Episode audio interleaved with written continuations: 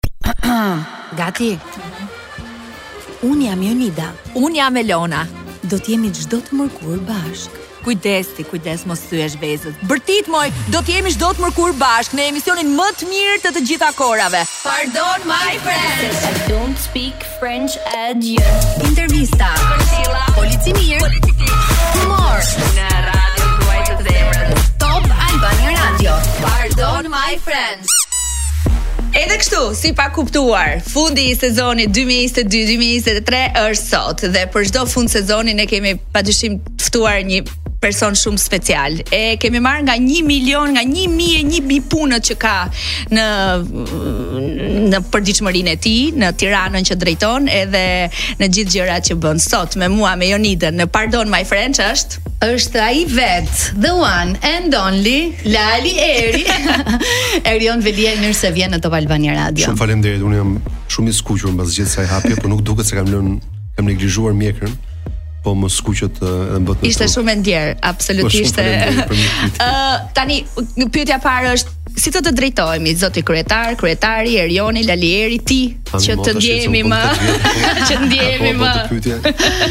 Lali mirë. Lali është mirë. Qoftë janë gjëra jashtë punës, qoftë janë gjëra për punës. Si është marrëdhënia me radio? Na dëgjon? A dëgjon Top Albanian? Shiko, Hipën në makinë edhe ke radio, ke stacionuar radio? Kur jam në fushatë, edhe pse duket si koha më e ngarkuar, është koha kur në fakt jam më shumë në lëvizje dhe mund të dëgjoj radio. Mm -hmm. Ndërkohë që kur duken sikur gjërat janë qetë, në fakt thjesht bëj takime pafund edhe mbledhje dhe çudira dhe s'dëgjoj radio. S'dëgjon radio. Kështu që në momentet më të vështira jeni pranë meje këtë mund. Ah, ky ky program titullohet Pardon My French, në sensin që mund të flasim shumë hapur, mund të bëjmë batuta,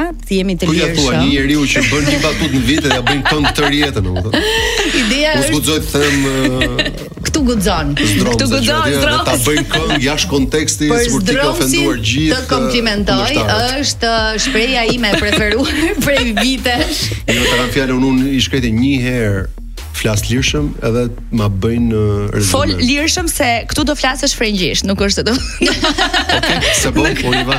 Kënga e parë që ne të përshëndesim është Globi rrotullohet. Jo më kot se kemi zbardhur gjatë gjithë këty- këtyre ditëve edhe intervistat e tua dhe në vite, ë, në stacione të ndryshme, në programe të ndryshme, me gazetarë të ndryshëm dhe kam dëgjuar që Globi rrotullohet është një këngë që shënjon fëmijërinë tënde. Do të thotë kur unë merresha me shalqinj e pjepra në Spille për vite të marrëshin, ju dëgjonit të më dhe. Meqë ra fjala, shumë urime për Rogozhinën, 1752 vota para. Mirë shkoi mirë, por nuk është çështje votash, kam thjesht kam përshtypjen që këto janë të gjitha mundësi unë vetë. Mm -hmm. Pasurinë e vërtetë nuk e kam ke këto votat, por ke fakti që ti njeh njerëz të pa të papërsëritshëm, ke këto eksperienca të jashtëzakonshme. Duket sikur është një vend i vogël, Rogozhina ti thua njëherë, pse po merret gjithë Tirana ose gjithë Shqipëria po merret me një vend të vogël. Po ti aty kupton që janë disa mikrokozmose, pra mentalitete të kombit tonë. Gjithë pjesa e bregdetit që po nëse është bregdeti është mesdhetar, është gjithë pjesa e Spillesë, nuk dallon fare nga Golemi ose nuk dallon nga nga Shëngjini, nga Velipoja, ajo marrëdhënie speciale me detin.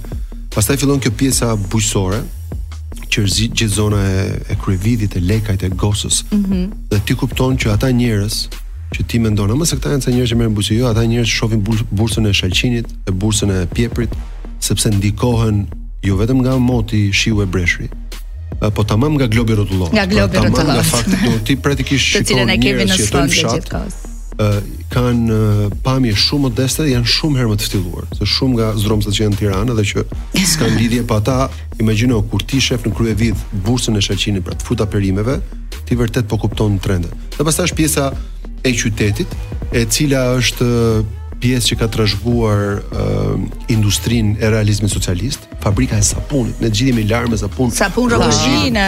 Pra, përgjegjës për higjienën e shqiptarëve në ato dyzet vjet. Ka qenë gjithsesi Rrogozhina. Dhe po, një po. pjesë e madhe ka nostalgji nga të industrializimit industrializimit atyre viteve. Dhe pastaj është pjesa kodrinore që është kufi me Peqinin, që janë kryesisht njerëz që kanë ardhur nga Gramshi, nga Librazhdi. Mm -hmm. Pra ti mhm. kupton se si historia e Shqipërisë mund të tregohet në këto katër fasha të këtyre realiteteve që kanë formuar edhe identitetin tonë. Kështu që, kështu që është shumë Teksa unë isha atje, ju ishit duke u marrë me këtë intervistë. Edhe kthehemi shumë pas në kohë tek çerdhja 54 te kopshti 18 tek shkolla Kosova te gjimnazi Sami Frashëri, po si është t'i rikthehesh sot edhe në rolin e përmirësuesit të të tyre. Pra shkolla Kosova është e re, Sami Frashëri është hedhur në tokë për t'u bërë i ri. Çerdha nuk e di, edhe mhm, çerdha u ka përfshirë si pjesë e planit të çerdheve dhe të kopshteve. Kjo është e vetmja, domethënë nëse njeriu do donte të kishte dy jetë, gjithë do donim të jetonim përgjithmonë ose të përsërisnim jetë.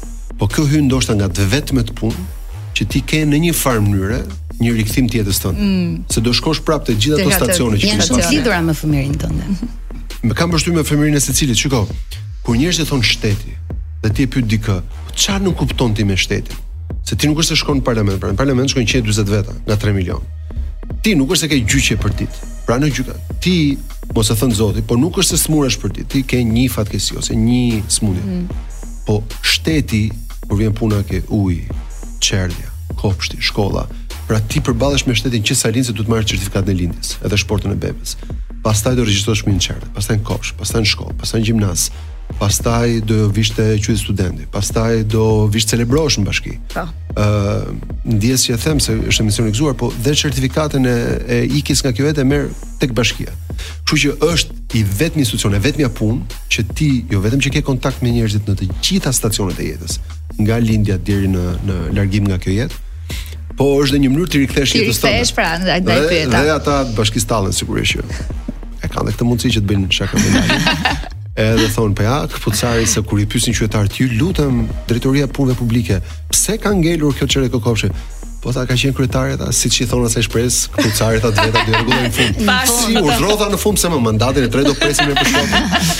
Kështu që ka qenë shoku i parë kanë qenë kjo çerdhja 54, ka qenë një shok i vërtetë sepse kur vajta çerdhja ishte mbuluar e gjitha me myk, myk, myk, myk. Oh. Ai ajo ajo ishte amortizuar ajo gjëja veshtullore jeshile myqeve të zeza që shkojnë nëpër nëpër mure dhe ishte dhe çerdhen e mbaj mend se kam treguar disa herë të tjera sepse më ka rënë një kur kemi qenë në gjumë po pastronin këtë të enverit si që jo jo më ka jo më ka rënë dhe ajo e pastronte dhe mbi mbi kokën time pluhurat nga fotografia e oh. enverit në në çerdhe oh. edhe i bie ajo edhe unë jam po të shohësh jam gjithë të çarë Mamaja ime mendoi që iku ky i pari. Edhe kur më çoi në spital, vetëm gurgullonte se si duket janë gjithë venët, gjithë kapilarët, po. hunda ka shumë gjak. Është pjesë shumë e ndjeshme. Dhe vetëm isha mbuluar me gjak, edhe ime më realisht mendoi që më humbi. Pastaj ma qepën këtu. E kam lidh gjithmonë mamaja ime ka lidhur me atë traumë. Mm -hmm. Me me çunin një vjeç një vjeç e gjysmë kam qenë atëherë edhe. përfundum në spital. Ke, ke shumë shok nga fëmijëria? Përveç këtij kujtimi, domethënë, ë uh, miq, shokët. Por kthimi aty dhe ti thua, "Wow, okay." Pra, robi që ka në dorë ta rregullojë këtë realitet, tash jam unë. Pra, sa kohë është domosdo ka qenë dhe inspektimi i parë që kam bërë. Sa duhet kisha kurioz, ne u betuam në korrik 2015-s, më duket edhe ne duhet të fillonim gusht shtator të bënim gati hapjen e shkollave të çerdheve. Kështu që filluam një operacion të madh atëherë bashkia ishte trok, bosh. Kështu që filluam një operacion të madh, adopto një kopsht, adopto një çerdhe dhe gjej njerëz, kompani, celulare, banka, ma merr ti këtë, ma merr ti atë. Pak kështu si çoban që kur i thonë, po ndonjëherë ai zelli i futi pak edhe kompanitë nga halli, secili adoptoi nga i çerdhe nga i kopsht dhe u bëm gati për atë sezon dhe pastaj patëm mundësi të hyjmë me me themel, po po shoku nuk ishte vetëm çerdhja, po fakti që në mes të oborrit çerdhes ishte ndërtu një trekatëshe pa leje, e kishte legalizuar dhe them Patjetër, kam mirëkuptim për njerëzit që kanë ardhur nga situata shumë të vështira. Pra, unë nuk hyj ke ata që thonë në burg në burg për për çdo padrejt për çdo shkelje sepse them, nëse dikush ka jetuar ke shpella e Dragobisë dhe prej atij sistemi të Enverit, dikush do të rrinte oficer në Shishtavec apo të prodhonte uh, kallash në Poliçan apo të rrinte ke pompat e naftës në Kuçovë, vende komplet të amortizuara dhe pa rendiment dhe pa rroga, normale që ti vjen Tiranë dhe në një bashki Tiranës që s'ishte përgatitur sidomos në vitet 90. Ishte rreth 200 mijë popullsia, e sot jemi 5 fish më shumë po, ndoshta. Po ty të vinë shumë njerëz qartë se s'e mban. Pra un kam qenë mbështetës dhe e kam votuar ligjin e legalizimit po me masë çdo gjë. Kur ti futesh brenda në çerdhe, ose un sot jemi duke punuar në një shkollë Vaqarr Bedri Llagami, ku ti ke bër lokalin ke dera e shkollës në oborr, ti thua çdo gjë ka një masë. Pra edhe halli po. ka një masë, jo ke çerdhja, jo ke kopshti, jo ke shkolla. Për të vazhduar. Në këtë sens ajo ka qenë çudia dhe pastaj në kopsht ka pas eksperienca të jashtëzakonshme. Dhe një e dëgjuam, një një e dëgjuam. Një me hundë. Të tu, jo kjo ishte në çerdhe. Ajo ishte në çerdhe, fal. Të po. kopshtit tënd dhe aty s'kishim lek, edhe kisha shumë shok, kisha ambasadorin turk. Edhe siç jemi në Tiranë se çto, më shumë, atë jam më lezet. Shkoj unë kam shumë nostalgji për këtë, ça kujtimesh kam pas te kopshti. Po thaj po pse s'rregullo, po s'kemi lek për atë. edhe edhe ai u tregua i gatshëm dhe tika atë dhe kujtimi më i madh nga kopshi ka qenë 85-a. Kur kam lindur unë. Ashtu, ha? Po mm. kishe nevojë ta thoje që kemi kaq pak. Po duhet të thëjë ashtu. Shumë sa të jish. Do të po sta kujtova që kam celebruar ta mbash me atë kërkoj llogari. Ke kërkoj e këto e këto e më përgatit. Jo, Jonida. Dhe në kopsht, mhm. gjëja që mbaj mend, që mbaj mend shumë mirë se kisha të dy prindët ushtarakë. Edhe kur shikoj njerëz që kanë kështu fascinim me armë, me kështu gjërash, mu ka dalë fascinimi që 5 vjeç se ngaqë kishin dy prindët pistoleta në shtëpi. Ata flinin gjumë, unë shkoja të zbërtheja gjërat. Ke qenë kurioz si natyrë? Kam marrë një dy tre lapra dhe më ka ikur dëshira për të qenë kurioz. Dhe që atëherë dhe kur shoh të rritur që s'e kanë nxjerrë nga sistemi dhe shoh që bëjnë gjujtë gjëra. Them është vetëm çështje kohe. Sa ca u kalon në 5 vjeç, ca u kalon 50 vjeç ai fascinim. Po ë uh, prej prindërve që kur vdiq Enveri në 11 prill, ishin dhe në gjendje gatishmërie, sepse gjithë atëherë quhej gjithë populli ushtar, po ata që ishin realisht ushtarë, po, ishin në gatishmërie. Dhe ato dy konflikte mbaj mend me prindit kur uh, këpusja kopsa, komça, nga Nga palltot për të luajtur. Sepse të hënën kanë qenë ato. Çdo të hënë bëhej ajo që quhej shikim rreshtor. Pra të gjithë ushtarakët do të dhe imagjino babain tim të ndjerë që i mungonte një pullë dhe që pam gjë. Ia kishte marrë ti djali, çfarë? Ishte tregtia e kopsave. Po mbaj mend kur vdiq Enveri atëherë të dy prindit në gatishmëri dhe nuk erdhi të më merrte njeri në kopsht. Kam ndenjur 3 ditë në kopsht. Pra fjeta dhe natën. O Zot. Po, dhe kur shof, kur shof çunin tim sot 5 vjeç. Ai si ai filmi Kevin i vetëm në po. shtëpi, vetëm në kopsht. Sigurisht kopsht. Dhe rrinte shkreta një edukatore, që të të rrinte vetëm me mua se me kë do më linin në në atë. Pastaj më çuan te ca komshinj, tre ditë sa u shpall ditë zi, një pesë ditë nuk e mbaj mend. Po. po ke parasysh që është një nga ato gjëra që ti e mban mend, kështu histeria me të cilën qanin edukatoret. Ja fëmijë. Që kur u ktheva te kopshi 18 me ambasadorin turk, përjetë mirënjohës që më ndihmoi ta ta organizonim, pata kështu një film, ke parasysh me fast forward. Vu po filmi gjithë ai reel si shkon në black and white black and white kujtim kujtim interesant s'po themi bukur po shumë kujtim unik që më ka shoqëruar gjithë jetën Kur kuptove që u rrite?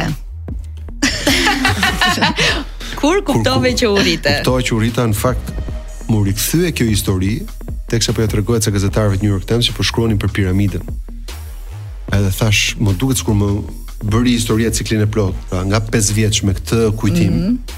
Tani si kryetari i bashkisë që mbaron piramidën që ishte destinuar për të qenë mauzoleumi i Enverit, pra për të kujtuar atë datë mm -hmm. të 85-së dhe përjetësinë e faraonit në piramidë, sot krejt papritur jam në krye jo vetëm të ndryshimit të kopshit dhe këtyre çudirave të vogla, po dhe ndoshta të metaforës më të madhe që faraoni kishte planifikuar si një piramidë të, të një shpie të përjetshme pas vdekjes. E sot ajo shpi në fakt është shpia e më të vegjëlve. Është në fakt e atyre të kopshit që do shkojnë mm -hmm. të kodojnë edhe të, po. të mësojnë. Kështu që aty mendova sikur e mbylla atë ciklin e kësaj historie dhe aty përjetimi me atë sistem. Aq sa kam pasur përjetim në atë sistem.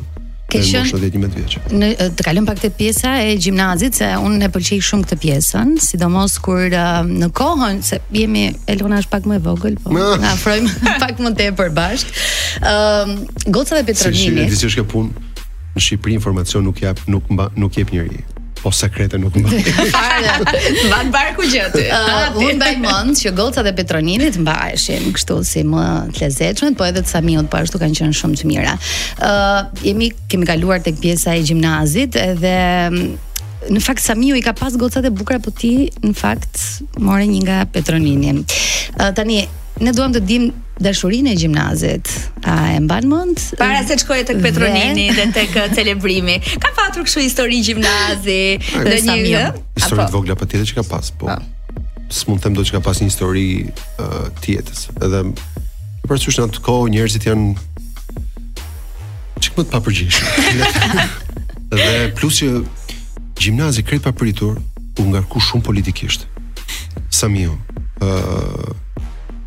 Kol Nano shkonte aty, Zeni shkonte aty, Fatos Nano ishte në burg, Saliu ishte në krye të vendit me piramidat, pra shkolla ishte loaded, pra u ngarku shumë shumë politikisht. Dhe në një farë mënyre prej këtyre dy pinjollëve të të familjeve politike të asaj kohe. ë uh, se s'mund të them të kësaj kohe. Po të asaj kohe shkolla u polarizu, Totalisht. Dhe më shumë se këto dashuriçkat e e gjimnazit, shkolla ishte vërtet një ë uh, hambar i ngarkuar politikisht në mënyrë të paimagjinueshme. Mbaj mend për shembull dhe zyshat u ndan. Mbaj mend që nëse ne linim një orë mësimi për të shkuar në protesta, në gjëra,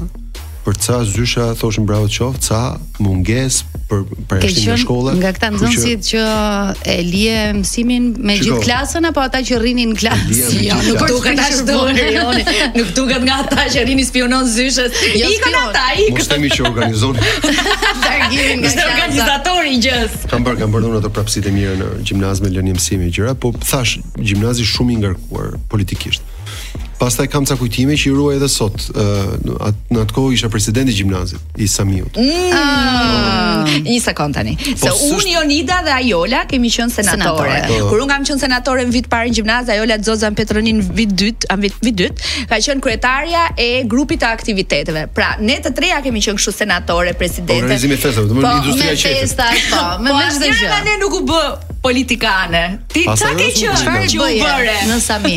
Shiko, ka një studim i cili thotë no bullshitting, po e them okay. me vërtet, mhm. pardon my French. por ka një studim uh -huh. që thotë që nuk janë ata me gjitha dhjeta që bëjnë lidere që bëjnë gjëra. Janë ata që janë të mirë, mm. shumë të mirë, po jo perfekt, pra që kanë një cen. Kjo jam. Ky është unë. Ky është unë. Dhe kjo është arsyeja pse ti je në radio kombëtare dhe unë kryetar bashkie. Pra, notat e tua pra, kanë qenë prej me... rrumsi pra. apo prej çunit të mirë. Jo, jo. Unë isha me dhjeta. Merrja ndonjë nëntë sa për hudhër. Por lija edhe orë të mësimit. Sidomos në ato vite kur lënia e mësimit ishte politike. Po pastaj kam qenë ke ke grupi i basketbollit, Dhe ende sot luaj basketboll me ish profesorin tim. ë uh, ë uh, Erdalin. Edhe Erdali ka ngel ë uh, uh, Erdal Borova, pinjolli familjes mm, Borova, mm, Erdal Borova, gjithë ajo ajo kohë e mrekullueshme dhe ne ishim dhe kampion dhe rivaliteti mes shkollave nuk ishte vetëm çunat e Samiut dhe gocat e Petro Ninit, po ishte basketbolli, klubi i debatit. Ritakova pas kaq vitesh Linda Fllokun, Mhm. tek tek takimi në Butrint tek Butrint tek po edhe te tim po. super super aktivitet që kishte bërë e kishte qarë Vera atë si çdo gjë që prek Vera dhe ë dhe u kujtuam prapë për gjimnazin se un ë Linda dhe Unida Beqo që shërbeu për ca kohë teatrit të Tiranës, ne ishim mm -hmm. klubi i debatit. Edhe u shpallëm kampion atë vitin e e fundit gjimnazit në 98-ën. E ruan misin ende apo jo? Po, po, po, mm -hmm. po. Dhe kam filluar tani çdo fundjavë shkoj kthem te Samiu për të lozë basketboll tani është bërë shkollë shumë e bukur. Nice. Dhe lozet, lozet për qejf. Kështu që tani ka filluar Petro Nini tha më mirë, bëri shkollën vetë, s'ka bërë akoma Petro Nini. Tani me Petro Ninin thuaj ça duash ti për Samiun, po Petro Nini lart, shumë lart. Mbaj mend, mbaj mend uh, ditën uh, kur vdiq Kurt Cobain. Mm, uh, edhe ne kishim shumë shumë kullera, shumë shumë uh, rrokera te te Samiu dhe u përjetua vdekja e Kurt Cobain. Ka qenë ajo koha që kërceni Cila ka qenë kënga e preferuar? The Man Who Sold the World. Jemi sërish bashkë në këtë pjesë të dytë që un e kam shumë të preferuar, por kam përshtypjen edhe në fund të intervistës Lali Eri do thotë është një nga intervistat më të bukura që kam bërë dhe uroj shpresoj për këtë, sepse nga të gjitha intervistat që ti ke dhënë, kam dhënë të bësh të ndërtosh kurator menti, se kam qenë vetë aty, mm. domethënë. Tek shiko kush luan, të kanë pyetur për marrëdhënien tënde me Ajolën, me familjen, gjithçka tjetër për punën në bashki. Kjo lloj interviste kam përshtypjen që do të të pëlqejë sepse ka shumë Tiron brenda. brenda. Edhe do kishte shumë më shumë po për çështje kohe ne kemi në mënyrë të dashur që jo të gjitha këngët t'i transmetojmë. Po ja, le ta nisim me të parën. Tema është sa tirons është Lali Eri dhe ne duam të përshëndesim me një këngë të Fitnete Rexhës. Fustanin me pika.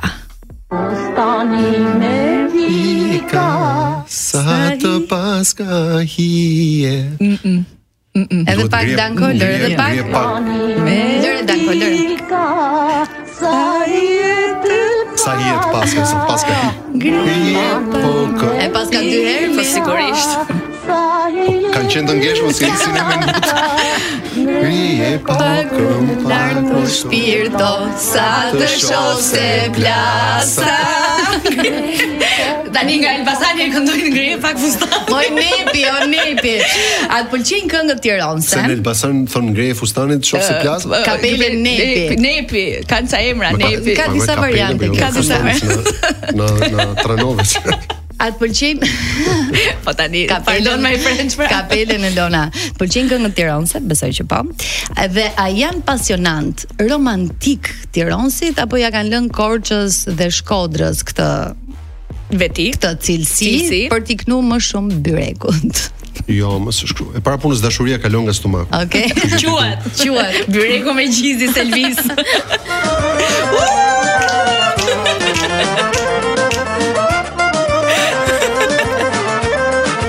Ma pëlqen kjo, ma pëlqen ngrije. Se. Tu i këndu byreku, byrekut i ke i ke këndu durve të arta që e kanë bo. Okej. Okay. Nëse një herë është nona, një herë është gruaja, kështu që. Ai kemi dashur.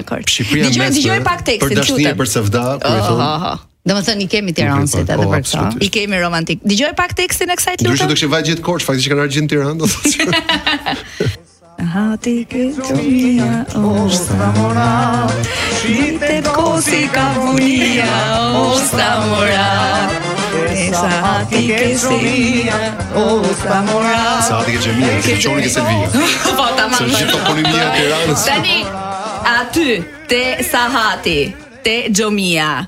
Pse Lali Eri një kullë aty?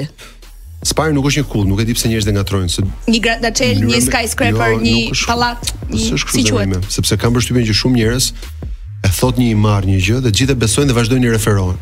Jo, ajo është 7 kate kjo bashkia. Mm -hmm. Është një formë pentagoni. Sot janë dy hotele ose Kempinski ose Sofiteli që do të shkojë kontratën finale. Kulla është pastaj ngjitur me platën, që është një tokë private.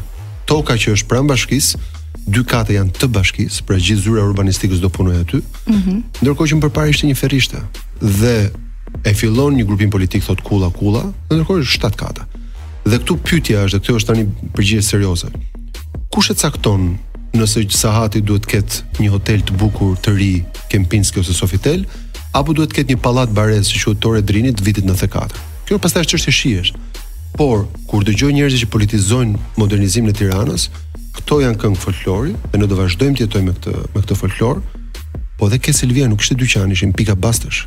Domethënë, u desh kjo bashkia t'i pastronte, dilte Vojo Kushi, se të rroftë që hipe mbi tank edhe dhe jetën për liri dhe ndërkohë mm. i kishte hip uh, kazinoja Vojo si Vojo tankut.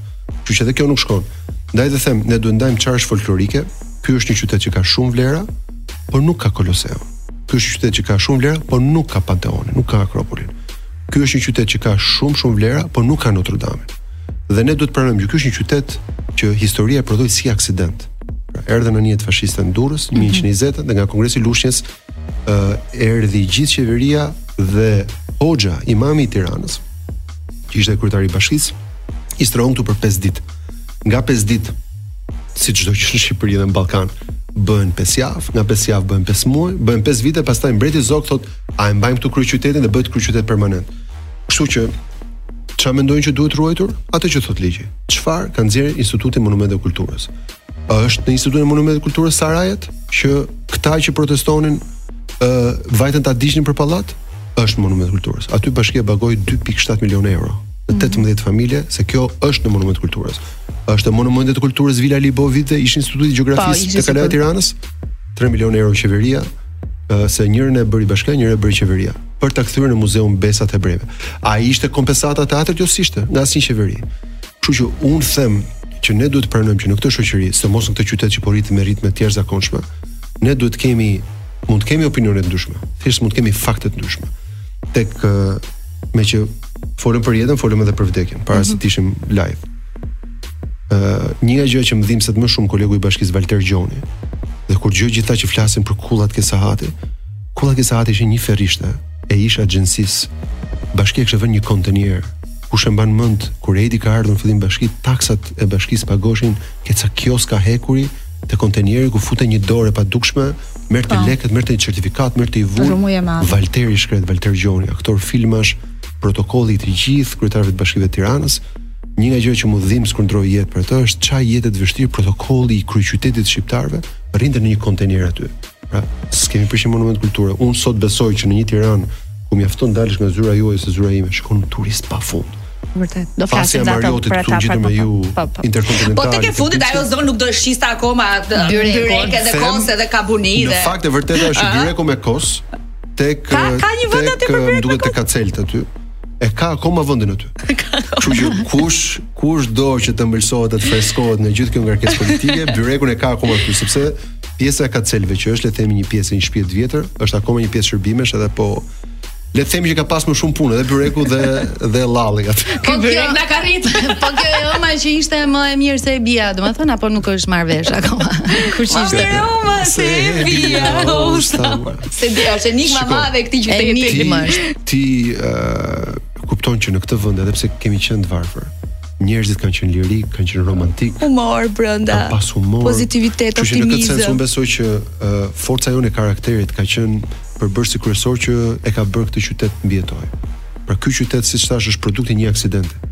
Po në qofë se nuk do kish shfrytëzuar këtë aksident, këtë incident, të ardhjes së qeverisë si mundësi, mm. do kishte lot si shumë qytete të tjera që kanë lotë jeta vjen kështu. Qartë. Shiko çfarë vjen tani. Ky qytet që çdo çdo vaki e ka kthy në hair. Pra çdo fatkeqësi e ka kthy në mundësi. Kemi një tjetër këngë që është Lule t'bukra ka Tirana, Danko na ndihmon që ta dëgjojmë.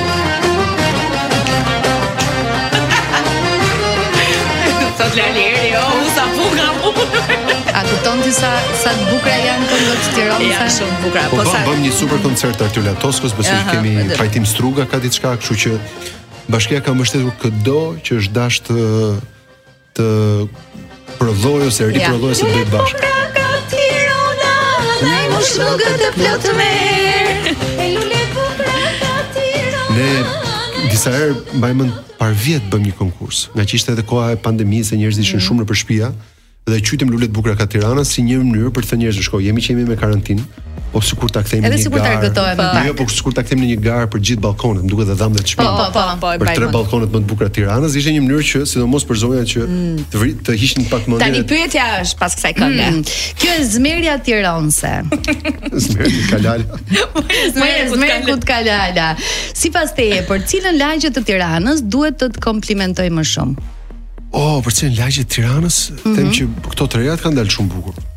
kur mendoj për të rejat, ndoshta edhe për projektin e pemëve, edhe bashkë kemi jo, jo, patur jo, po, një. Po, ndoshta edhe për lagjet që po punohet ende. Lagjet e 5 majit ë është tamam ajo që po thoshim. Ky qytet kur një fatkeqësi e kthen në një mundësi bën gjëra të mrekullueshme. Edhe ajo lagje ka dalë ka dalë vërtet mirë. Sigurisht që mm. kemi akoma pak punë, po unë besoj që Tirana e 100 viteve të ardhshme do jetë sipas atij modeli. Pra, një zhvillim urban, më shumë hapësirë pedonale, më shumë Cila është lagja e preferuar juaj në Tiranë? O lagja më e vjetër absolutisht. Patjetër. Një nga gjërat e bukura që bëm tek tek lagja te njësia numër 2 ishte kjo bulevardi Taulantia ku ka qenë mm. tregu elektrik. Po, po, te tregu elektrik. Te ansambli. Aty prej 30 vjetësh kanë qenë ato kontejnerët që shisnin pajisje elektrike. Në fillim fare si për çdo gjë. Tani janë sistemuar kanë tregun. Gjë, po ata shesin si njerëz tani mm. në një qendër tregtare mm. aty pranë që secili ka vendin e vet. Lali Eri të përshëndes pak me këtë vallen. E di pse të përshëndes me këtë. Se kam kërcy me babin dhe te tarraca po, bashkë. Po, po, po, po. Ajo ka qenë super dasi. Wow. Që u nis si një celebrim i thjeshtë. U nis si një celebrim i po, po. thjeshtë, tash Lali liron dorë pak, se ja pak vetë më 20. Vetëm kur vjen ai inspektori që O Lal nuk e di na mban tarraca 200. Pa dyshim mbetet kujtimi më i bukur i jetës sime ai celebrimi, po ajo që do të pyes unë është Është hapur kjo loja e dasmave në tarracën e bashkisë dhe e pëlqej. Kemi celebruar mbi 1000 çifte. Mbi 1000 çifte. Po, takon ti njerëz po burra e gra me kalamaj me këto. E thon, Lali na mban mend se na ke celebruar. E them unë s'keni qenë kaq shumë në fund. Ishit vetëm dy. Jo, jo. Më e bukur që më ndodhi tash pas zgjedhjes për herë të fundit. Ishte një gocë, po ti e di më mirë si funksionon pra. Vjen kryetari i bashkisë ngjit ato shkallët, nusja është aty se nusja vjen në altar më vonë, dhëndri ndërkohë tashmë ka mbërritur. Unë mbërrij, ngushëlloj dhëndrin. Kështu funksionon. Po ke vënë re për shaka unë kur martohet një gocë, të gjithë thonë, "Ej, sa fustan i bukur, ua zemra kështu, ua lulet kush i kap, ua sa bukur e kishte bërë atë." Kurse kur martohet një çun thotë, "E, more vesh për filanin, a? Ça ma? Sikur i ka rënë një sëmundje e rëndë." pra e kanë komplet Po më se po martohet, po le edhe një 3 vjeç. narrativa, narrativa komplet ndryshe për çuna, ato që ka. Po është një hot spot ai vend, është vërtet shumë i po, bukur dhe mua më ka prirë mbarë. Po prit të tregoj këtë sa mbarë i kishte prirë njërës që takova tash. E nejse ngjitem unë aty, po në tarracë funksionon përveç prenotimeve që stafi zgjedh një nga 10 celebrimet e ditës dhe Shkon ah, është me zgjedhje, se jemi kurioz të dimë. Po pra, kemi një mini lotari. Jo të gjithë mund të, ah, është okay. me lotari. Tani, nëse koha premton, uh, edhe impromptu thotë është një çift, ëh, po shkojmë në tarracë. Okej. Okay. Por në pjesën më të madhe bëhet një lotari dhe le të themi në 10-12 dasma që bën Tirana, një celebrim e bën kryetari, është shumë qejf që të shofësh atë qytetin që rritet dhe vin familje të reja, njef njerëz. E ke dhe një çik kështu antistres nga këto muhabetet e politikës. E nejse, ngjitem unë në në kat në tarracë, E shohun këtë nuzën kjo të qesh. Më shifte mua e qeshte. E i thashë një okay. filmi se thashë në gjë nga gjimnazën e një ata që po. të... Nga këto që folën për më parë, do me thënë. E thashë më të një më ropë që një shifun, shifa jo, shifun që ajo të qeshë. E dhe më një filmi, a më tha ma men, aty u fika, ku ta. Thashë, po, po, po, të shumë, ku,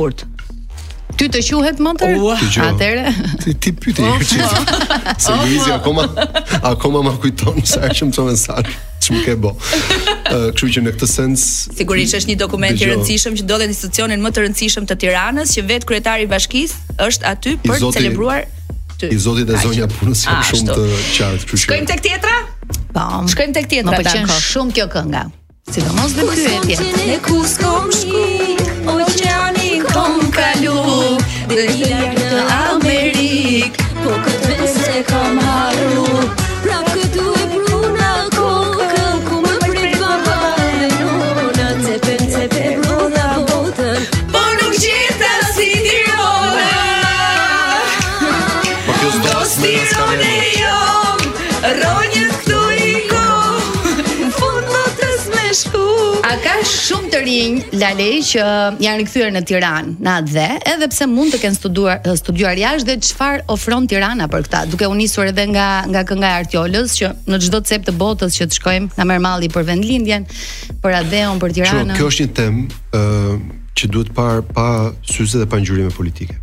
A jemi ne një vend i vogël dhe jo më i pasur në botë? Patjetër. Jemi dhe vendi më i izoluar? Patjetër.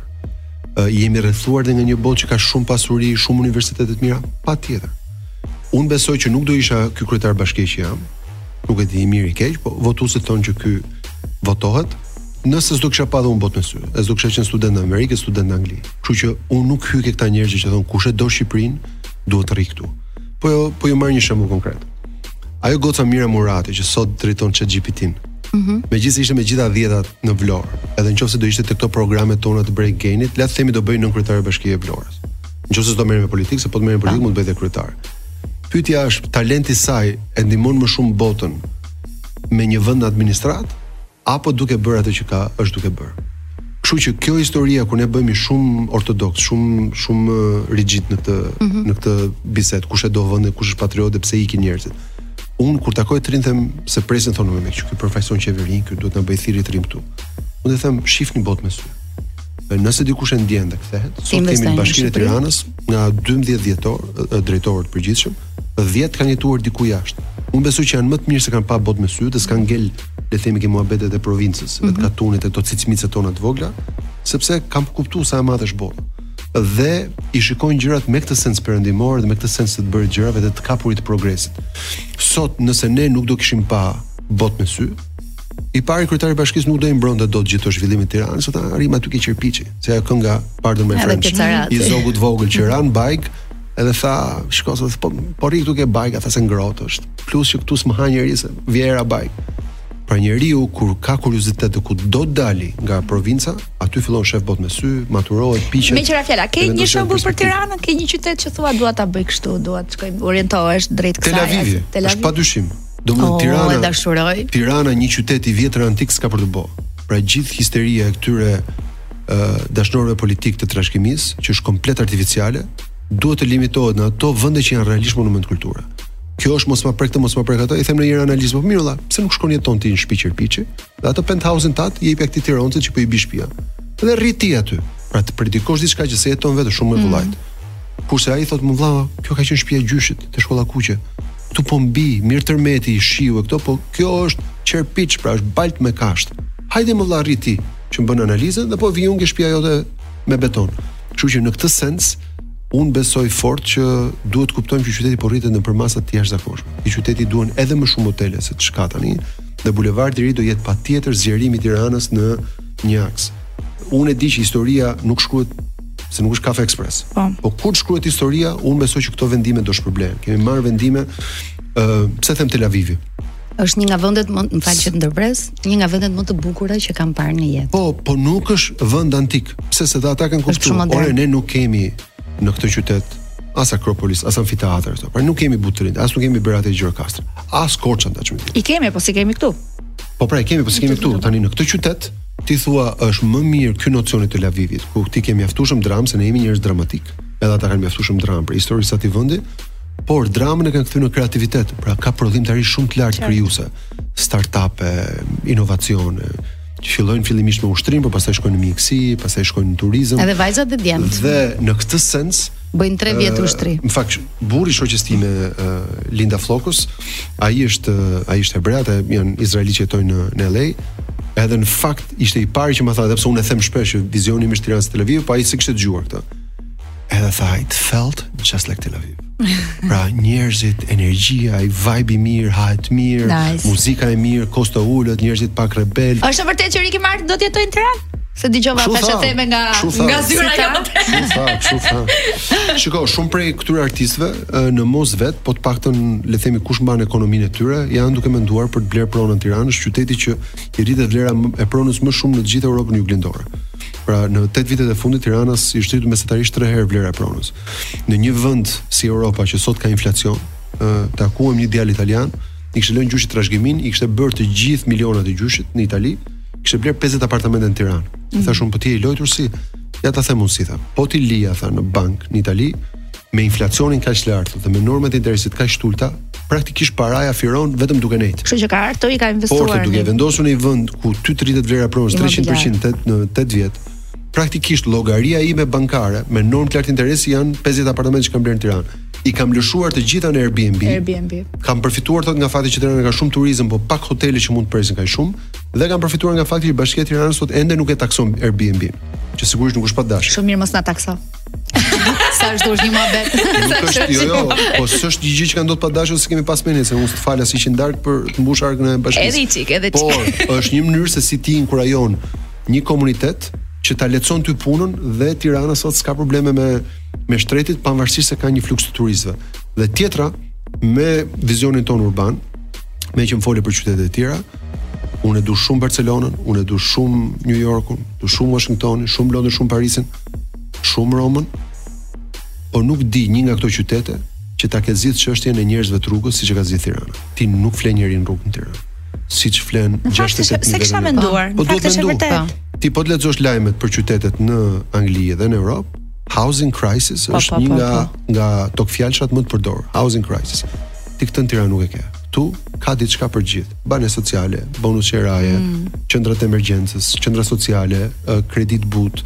Kështu që në këtë sens shumë respekt për gjithë kritikët. Ti ke po sistemu dhe. Ti që nuk fle njeri. Ti se ke sistem ti ke sistemu dhe kafshët jo më njerëzit kështu. Ajo në fakt shelter ka dalë. Kjo ka qenë tjetër. Shelteri ka dalë shumë bukur. Edhe një nga gjërat që e kemi bërë është jo vetëm një është bërë një qendër e madhe adoptimi, por edhe një qendër ku shkojnë fëmijët dhe sidomos atyre që janë kopshte, në fillore, që u futet kjo dashuria për kafshët, për natyrën, mm. dhe të mm. krijojmë një paqe me natyrën. Lalieri e radhës, numri 6. Dashura çika. O ju shokët e mi.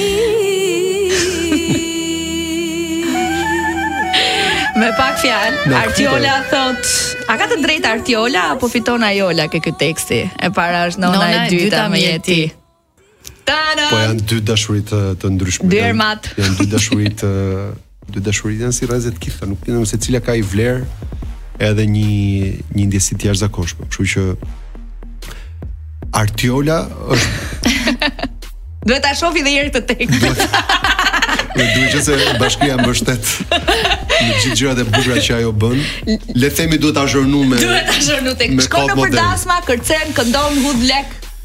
Ë, uh, isha te dasma e fundit që isha, isha ke Të pashë në video prandaj po, thashë me. Ke ke dasma e, e Denisit, i shokut tonë, drejtorit tonë të medias që u martu.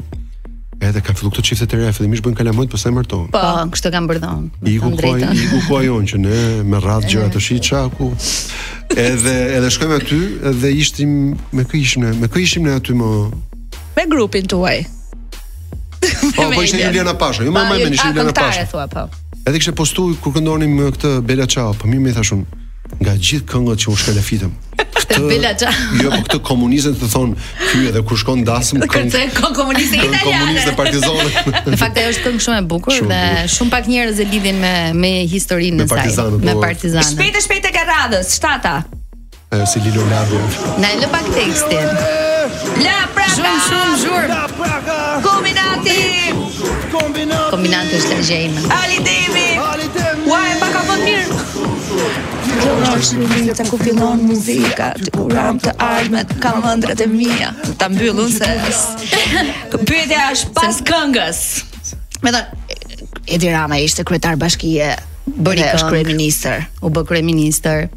Tani ti do bësh këngë dhe do bësh kryeministrin pastaj? Unë thjesht do bëj këngë. jam dy hapa më mbrapa. Ja ku rikthehemi sërish për të vijuar edhe për disa minuta të tjera këtë intervistë që besoj po pres përgjigjen. Që besojmë që Që besoj do jetë pa pishmanllëk. Okej. Okay. Më falni për frëngjisht. Do të flasim për eventet artistike. Kanë po. qenë të shumta, sidomos këto vitet e fundit, por ky vit ka pasur emra shumë të mëdhenj të muzikës.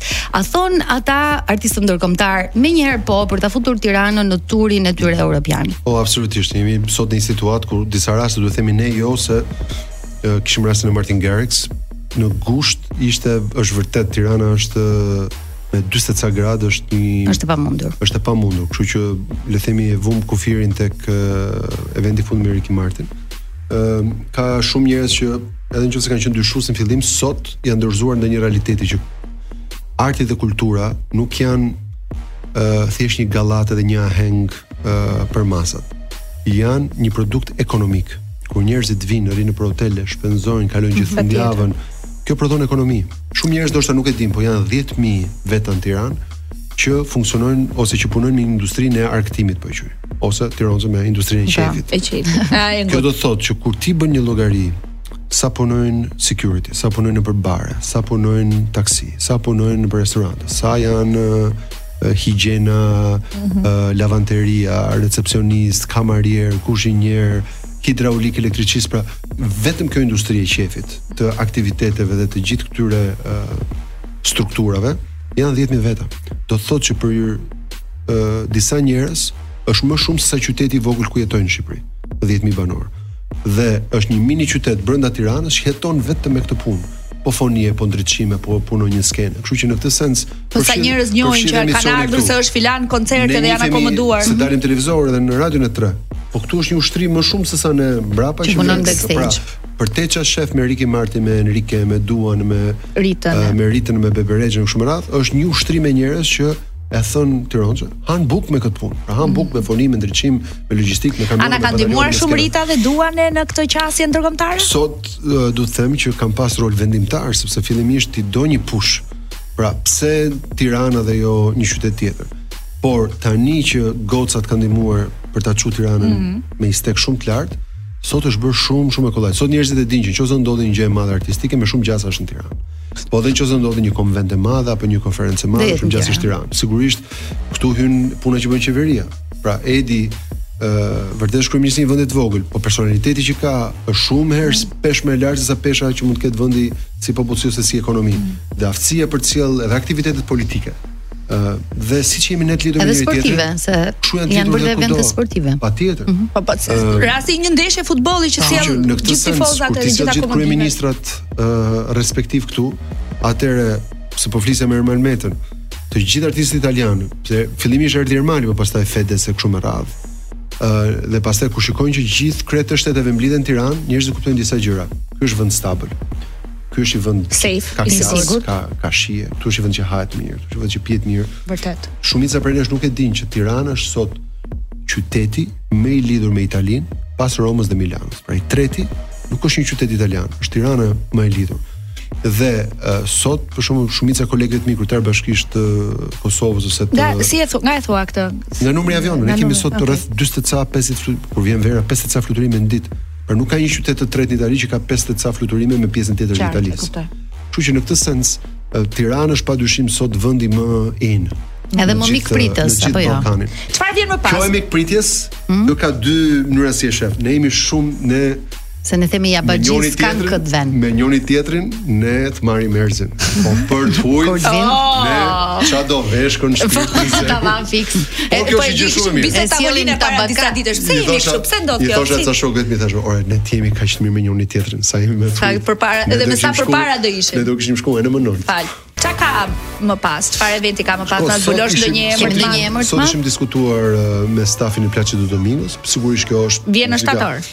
muzika klasike. Po po po shohim pak datat sepse ai duhet të akomodojë disa data në. Placido Domingo dëgjoi që ne bëmë një super Notre Dame.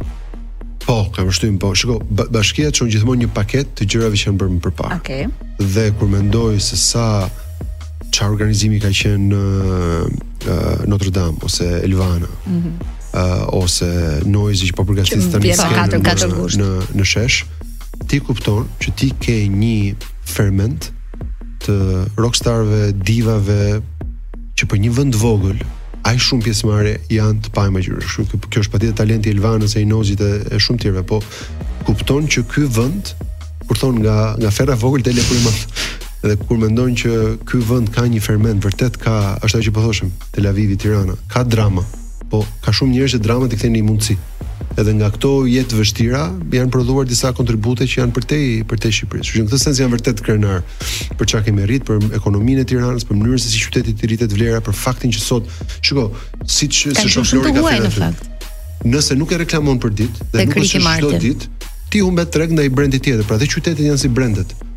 Ë, uh, shiçan do. Kur dikush thotë se po flisim çfarë, Rom, Ti përgatitesh për Akropolin e ti shkon me pritshmëri shumë të lartë. Ti e di çfarë do shohësh. Po pastaj kur jo Koloseu. Çfarë pretendon që do të shohësh. do ndjesh, mm -hmm. do ndjesh. Do shohësh, do provosh, do shijosh.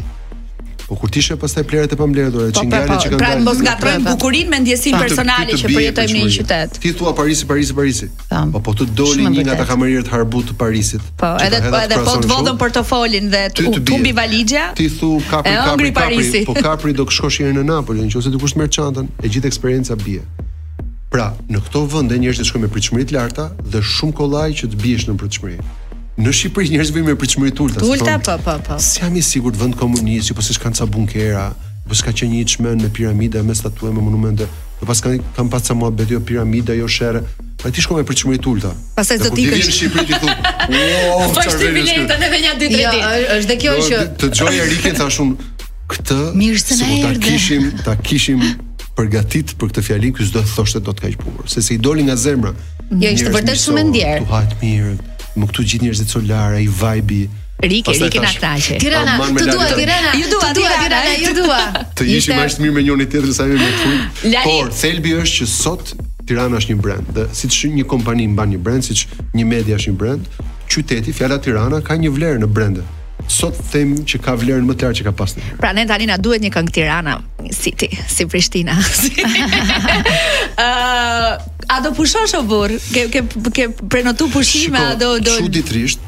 çuditërisht është pak kundër. A pushon ndonjëherë është pyetja fillestare. Është kundërintuitive.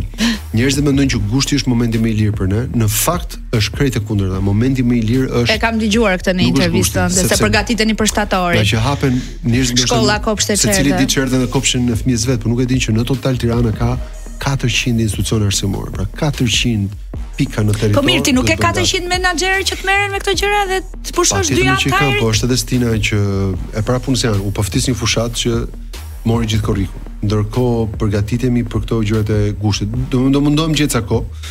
Po gushti në fakt është më i ngarkuar se në për ne se shtatori, kështu që me shumë gjasë, ndoshta në shtator dhe më shumë më. Sa ja qaj hallin ajo. Ka disa shkolla të reja, edhe janë vërtet janë vërtet në stres që t'i kapim hapet Asim Vokshi, hapet Gjimnazi Partizani, ai është më përpara, hapet ë uh, Besnik Sykja Besnik Sykja sot është ke Petro Nini, kështu po, që liron po, ato po. të Petro Ninit pa Besnik Sykja. Petro Nini sa të vi. Kështu që uh, jemi duke punuar te Emin Duraku, uh, ki parasysh që gjithë qershorin patëm shi pa fund, po njerëzit s'e kuptojnë që në një kantier ku janë gropa të mëdha.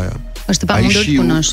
Të mbush gjithë atë. Ti e ke zbrazur ditën tjetër dhe pastaj shi prap. Pra, ne patëm një qershor të çuditshëm si si klimë tropikale. Kështu që do rikuperojmë sa të mundemi në gusht edhe të kapim afatet për. Mund të na zbulosh ndonjë projekt për disa nga zonat e Tiranës? Shiko, disa projekte. Cili do të jetë fokusi? Disa projekte shumë të bukura që mezi pres të zhbllokojnë këto histori ligjore. Uh, do jetë kopshti botanik. Mm -hmm. Kush ishte cinik edhe ishte dyshues, i ftoj të vijnë ke kopshti zoologjik. Pyetje, ka vetëm një pyetje thjesht. Është më mirë apo është më keq? S'po vij fare. Absolutisht më mirë. As luanit as tigrit as uh, majmunëve. S'po vij fare, po kur mendoj që na erdhën na sekuestruan luanin, se hante patate dhe ujku u bë me depresion se xhironte gomat në në atë çimenton me ato pllakat me ilike aty, është dita me natë. Kështu që po të na jepet mundësia të zhbllokojmë këto cicmicet, Kopshti Botanik është një projekt shumë i mirë. Piramidën e hapëm si ndërtesë, po sot është kthyer vetëm një atraksion turistik për të shkuar lart për të bërë foto.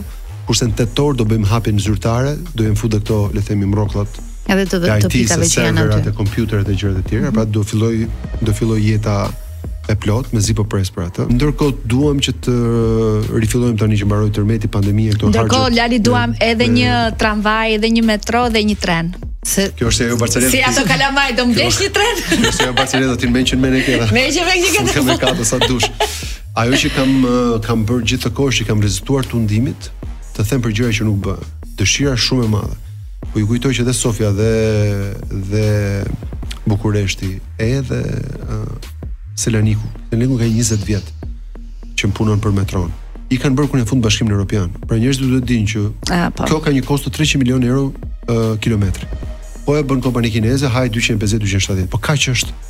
Kështu që un rezistoja tundimit edhe nëse do humbisja ca vota, se më thoshin njerëzit, po mirë mo Lali u bënë kaq vite këtë punë, po gënje një çik vëlla, thuaj që do bëjmë edhe ne kështu. Po jo mo s'e them dot se unë kam studiuar, ne mund ta bëjmë falas për studentët, ndoshta dhe për le të themi një grup veteranëve ose të invalidëve të punës. Mm -hmm. Po nuk them dot një gënjeshtër që s'e kam me studim, pra nuk kam për ta thënë kurrë një gjë të tillë. Ah, ajo që mund të them është që ajo që po bëjmë me qeverinë, me trenin e shpejtë, i cili sillet si tren jashtë Tiranës, po sillet si tram Do krijojmë le të themi një shtyllë të parë kurrizore ke Bulevardi i Ri ku do kthehet stacioni i trenit. Ai që shkon edhe në Rinas ah, e në Durrës. Okej. Do kthehet stacioni i trenit te Bulevardi. Do kthehet po do jetë një city station. Okej. Pra s'ka nevojë për zyra e për njerëz që shesin bileta. Biletat do e blesh siç i blen për një tren. Me atë dhe pa, pa. pra kur njerëzit thonë stacioni nuk do ndërtojmë aty një qendër tregtare. Do të bëhet fjalë për një city station ku ti bën një klik dhe thjesht futesh në pa. në atë s'ke nevojë se atëherë njerëzit vinin dhe nga rrethet dhe rrinin me orë të tëra ca dhe flinin. Do ketë ndalesa nuk do jetë i tillë. Do të ketë në kthesën në Kashar. Okej. Okay, më fal te Kthesa e Kamzës, sepse aty do jetë, le të themi, qendra multimodale ku vijnë edhe autobuzat. Pjesën e trafikut, domethënë. Kjo do jetë një nga hallkat e, e përmirësimit të trafikut. Unë besoj Edhe kjo është një gjë tjetër që e kam thënë në fushatë, po e them edhe tani. Mm -hmm. Se po ti të bëj ashtu them unë s'do kandidoj më mund t'ia fus. Po nuk e bëj dot, se s'e lejoj dot veten të them çudira. Një qytet i madh do ketë gjithmonë trafik. Po më thoni një qytet ja meqë folëm për Tel Aviv. O ka Tel Aviv do 3 orë të shkosh. Pra një qytet i madh ka trafik nga definicioni. T'ju them unë ca vende pa trafik në në në Shqipëri, në Këlcyrë nuk ka trafik. As në Delvinë dhe nuk ka as në Koplik edhe në Has. Po ne të gjithë i kemi lënë këto po, vende se duam të jetojmë këtu. Kështu që civilizimi edhe trafiku ë pra qytet pa trafik s'do ketë. Vetëm nëse më thoni që do bëhemi holandezë brenda natës dhe do shkojmë gjithë me bicikleta. Gjithë me bicikleta. Gjë që nuk e bëjmë dot ne shqiptarët. Jo, është proces, ka filluar. është proces. S'duam të të marrim më shumë kohë, se të mbajtëm shumë gjatë Ishte shumë qejf. dhe thamë shumë gjëra. Të falenderoj shumë që jo, gjete kohën. Edhe një e fundit. Tash kur mendoj që të dalim e t'i shtrëngojmë, po që. Mo po mirë, më mirë ishim këtu. Tiranën e zgjerove, ke punuar. Ah. Familjen kur do ta zgjerosh se sa vite u bënë Elona që thotë, po djali po bën gati 5. S'e thua. E para punës se takoj ca njerëz që thonë kryetar prefekt në fushatë, E tash po mirë, po sa u numëruan votat dha, po është Duroni, se duhet. Është për 4 vjet, më dha, nuk është premtim. Nuk nuk është për nesër. Po bën kafe ekspres. Tash e hapi çiko. Kështu që këto hyn këto premtime që kërkojnë një mandat, nuk është se janë Këto janë premtime. Këto këto janë punë po të zotit. Po jemi gati, jemi gati. Jemi gati dhe dhe them tani që kaluan këto ngarkesat, unë besoj njerëzit që janë të zënë janë gjithë jetën zënë. Dhe nuk është le themi kanë një moment mm. që kanë më më shumë kohë.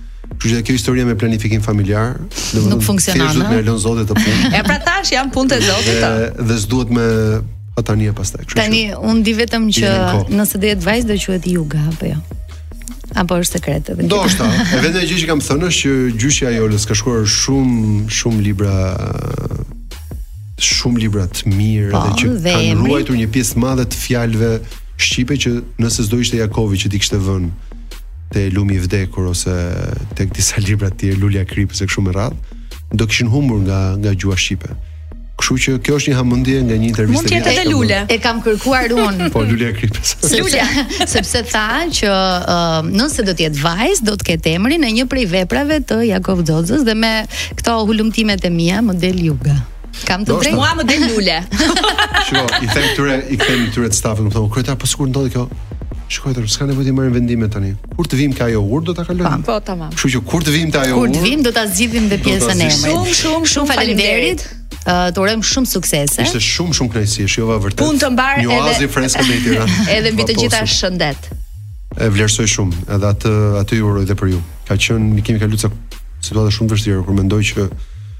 kemi kalu në këtë qytet tërmete, pandemie, halle të tjera dhe na kanë bërë më të këqij, kemi bërë më të mirë, më të dashur, më të bashkuar.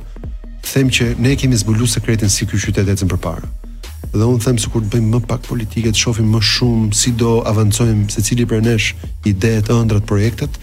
Unë them që do ecim akoma më shpejt. Edhe për faktin që sot Tirana nuk është fundi i botës. Përkundër, gjithmonë më shumë epiqendër e gjërave,